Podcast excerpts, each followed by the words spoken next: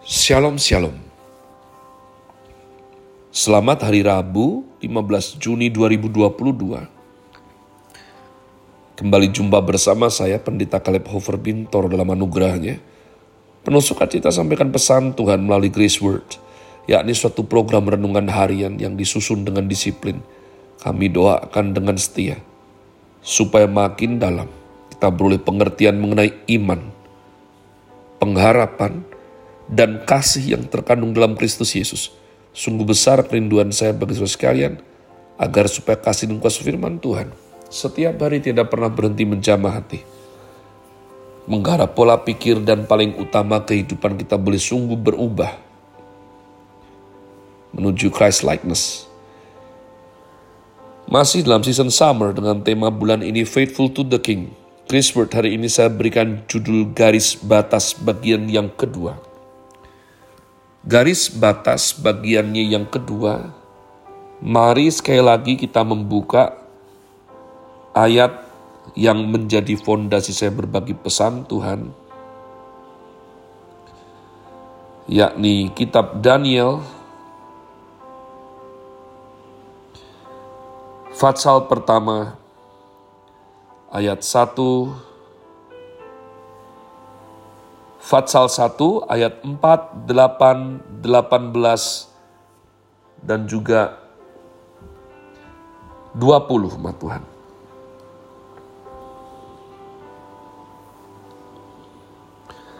Yakni orang-orang muda yang tidak ada sesuatu celah, yang berperawakan baik, yang memahami berbagai-bagai hikmat, berpengetahuan banyak, dan yang mempunyai pengertian tentang ilmu yakni orang-orang yang cakap untuk bekerja dalam istana raja, supaya mereka diajarkan tulisan dan bahasa orang Kasdim. Ayat 8, Daniel berketetapan untuk tidak menajiskan dirinya dengan santapan raja dan dengan anggur yang biasa diminum raja. Dimintanyalah kepada pemimpin pegawai istana itu supaya ia tak usah menajiskan dirinya. Ayat 18 telah lewat waktu yang ditetapkan raja bahwa mereka sekalian harus dibawa menghadap. Maka dibawalah mereka oleh pemimpin pegawai istana itu ke hadapan Nebukadnezar. Ayat 20, dalam tiap-tiap hal yang memerlukan kebijaksanaan dan pengertian, yang ditanyakan raja kepada mereka, didapatinya bahwa mereka sepuluh kali lebih cerdas daripada semua orang berilmu dan semua ahli jampi di seluruh kerajaannya. Saya sampaikan umat Tuhan dua hari yang lalu mengenai grow dengan tajuk baru yakni garis batas. Bagaimana kita mengenali batasan yang diizinkan Tuhan Manusia pertama jatuh dalam dosa kejadian 3.15 karena tidak tahu batasan. Apa batasannya? Jangan makan buah pengetahuan yang baik dan yang jahat. Semua buah boleh kamu makan kecuali umat Allah. Kalau engkau tidak tahu batasanmu,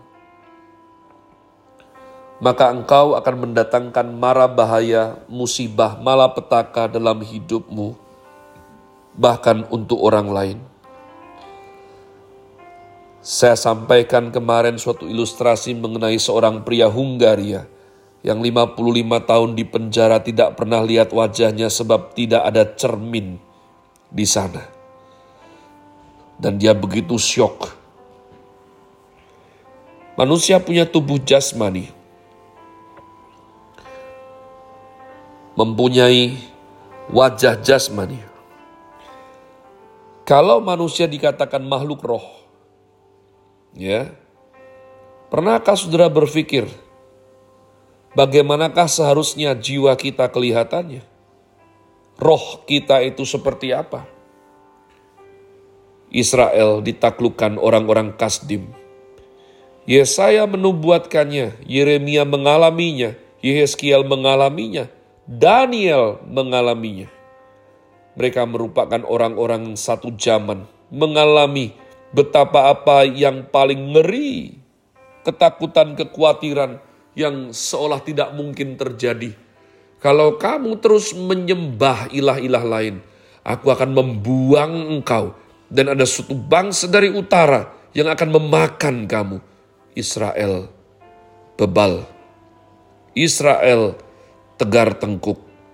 Sampai Nebukadnezar meluluh lantakkan Yerusalem Yehuda dan memperbudak mereka. Orang-orang berkualitas dibawa ke istana untuk kerja meringankan daripada sang raja, namun juga sebagai piala kemenangan. Ya, demikianlah ceritanya sehingga Daniel, Hanaya, Misael, Azaria dibawa ke istana Nebukadnezar. Kenapa garis batas itu perlu? Engkau harus mengerti Babel sendiri itu artinya chaos umat Tuhan. Campur. Campur-campur tanpa aturan. Ya. Nyampur semuanya sampai hancur lebur. Chaos. Perhatikan, begitu mereka datang, hal yang pertama dilakukan oleh Babel adalah mengganti nama mereka. Daniel dalam bahasa Ibrani yang berarti God is my judges. Hakimku adalah Allah. Allah adalah hakimku. Jehovah Sidkenu Allah adalah keadilanku satu-satunya. Diganti menjadi Belsazar. Belsazar artinya ibu atau pasangan dari Dewa Bel. Istrinya Dewa Bel. Ya, bertugas melindungi raja. Hananya Hananya dalam bahasa Ibrani berarti Yahweh yang begitu ramah Yahweh yang lembut. Nama Hananya diganti menjadi Sadrak. Sadrak dalam bahasa Babel berarti si juru tulis besar. Misael. Dalam bahasa Ibrani Misael, El, ya. Berarti siapakah yang serupa dengan Allah? Kira-kira there is none like God maka diganti menjadi Mesak. Ya. Yang sering kita sebut dengan Sadrak, Mesak. Dan yang terakhir Abednego. Mesak tadi sebelum saya jelaskan artinya tamu raja. Ya, Misael menjadi Mesak. Siapa Abednego? Abednego adalah Azaria. Azaria dalam bahasa Ibrani berarti Tuhan telah menolong. Bagus sekali ya.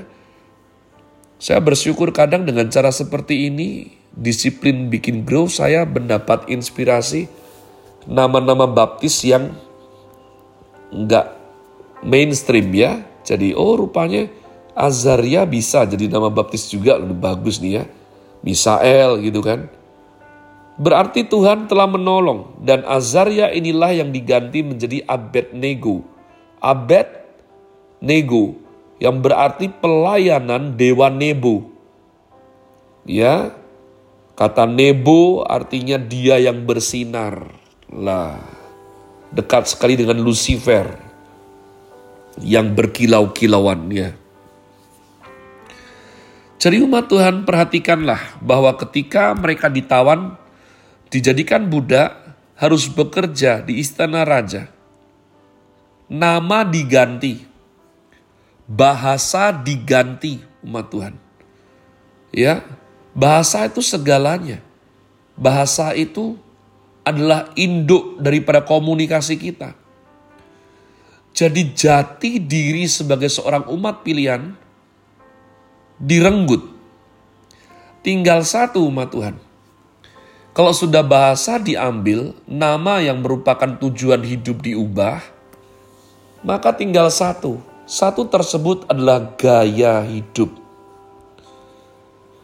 Dan saya bersyukur bahwa Tuhan memberikan hikmat kepada Daniel dan kawan-kawan, dan ini juga menjadikan suatu hikmat yang bisa kita pakai sampai hari ini. Bayangkan kalau ketika nama mereka itu diganti, mereka keberatan, nggak mau. Aku tetap mau dipanggil Daniel, nggak mau Belsazar. Aku tetap mau Hananya, nggak mau diganti Sadrak. Saya tetap mau Misael, nggak mau Mesak. Saya nggak mau Abednego, maunya tetap Azaria. Saya percaya mereka akan langsung mati umat Tuhan karena itu pembangkangan. Lalu bahasa, ya mereka diajari bahasa orang Kasdim, bahasa Babel. Lalu mereka tetap maunya ngotot pakai bahasa Ibrani. Saya percaya juga itu mendatangkan masalah.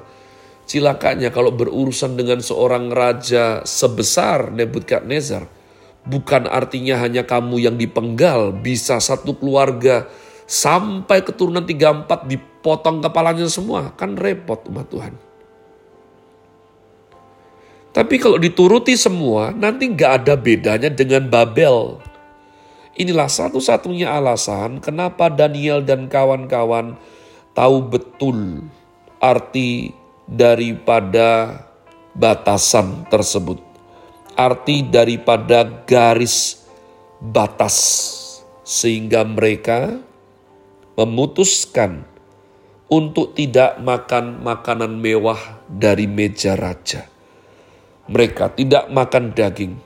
Ya. Saya berasumsi, bukan doktrin, bahwa tadinya mereka makan daging. Tapi dikarenakan suatu keprihatinan yang hebat sekali di jiwa mereka. Suatu ikhtiar, suatu itikat untuk tidak mau tunduk sepenuhnya.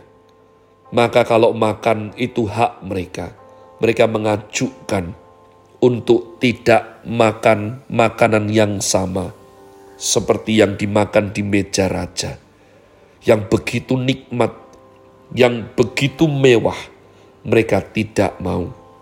Ya, mereka menarik garis batas, mereka menjaga supaya tetap ada perbedaan umat Allah. Inilah yang diperbuat mereka Inilah yang harus kita ambil. Kita tinggal di dunia, tapi jangan terlena, jangan sampai kita mirip dunia dan justru tidak menuju Christ likeness yang harusnya menjadi tujuan hidup kita. Have a nice day. Tuhan Yesus memberkati saudara sekalian. Sola. Grazie.